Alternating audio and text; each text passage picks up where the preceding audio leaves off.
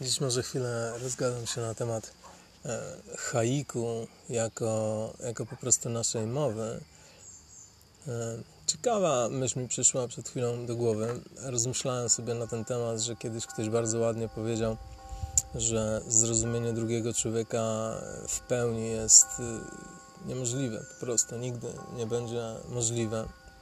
A to z tej prostej przyczyny, że dla nas wyrazy, e, które wymawiamy czy słyszymy, e, niosą zupełnie inne informacje dla nas jako poszczególnych istot, zupełnie z odrębnymi doświadczeniami życiowymi, z innymi nawet mózgami, czasami fizycznie.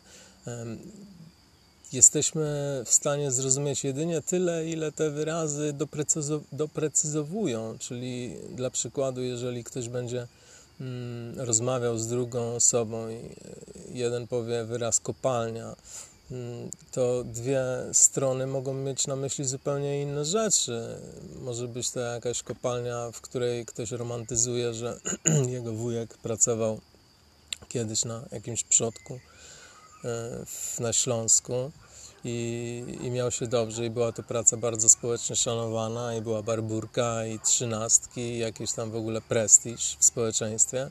Drugi może mieć na myśli coś bardzo złego i teraźniejszego, jakieś kopalnie mm, kobaltu, gdzie, gdzie wykorzystuje się mm, dziecięcą pracę. Zatem, żeby dobrze to doprecyzować, potrzebujemy właśnie czegoś dodatkowego, jakichś wyrazów, jakichś obrazów, czegoś, co mm, obu rozmówców sprowadza na to samo, na to samo myślenie. I w takim przypadku można powiedzieć też na temat no niech będzie kopalnia, która wykorzystuje mm, siłę dzieci jako robotników.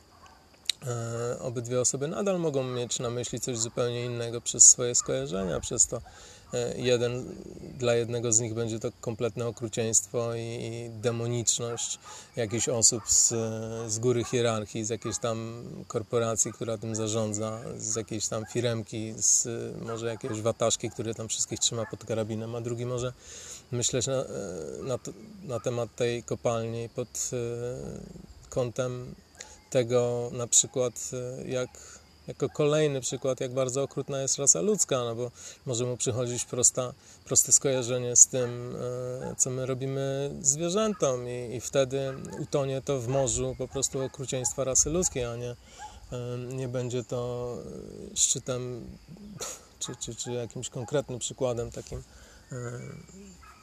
właśnie tego okrucieństwa.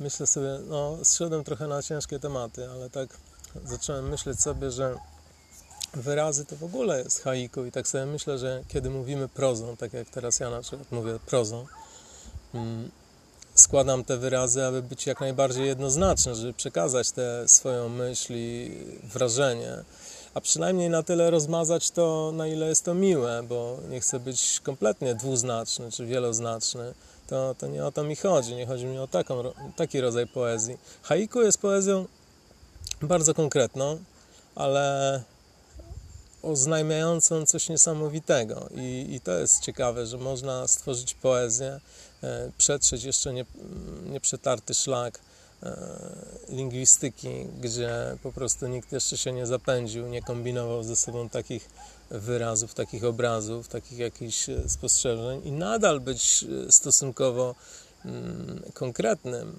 to znaczy przekazywać coś, co jest jasne, coś, co jest jasne i w zderzeniu czegoś powstanie coś, co jest magiczne. No, to tak a propos tego, jaka jest nasza mowa, jaka może być nasza mowa. Gorąco polecam chyba haiku. Na razie, dobranoc.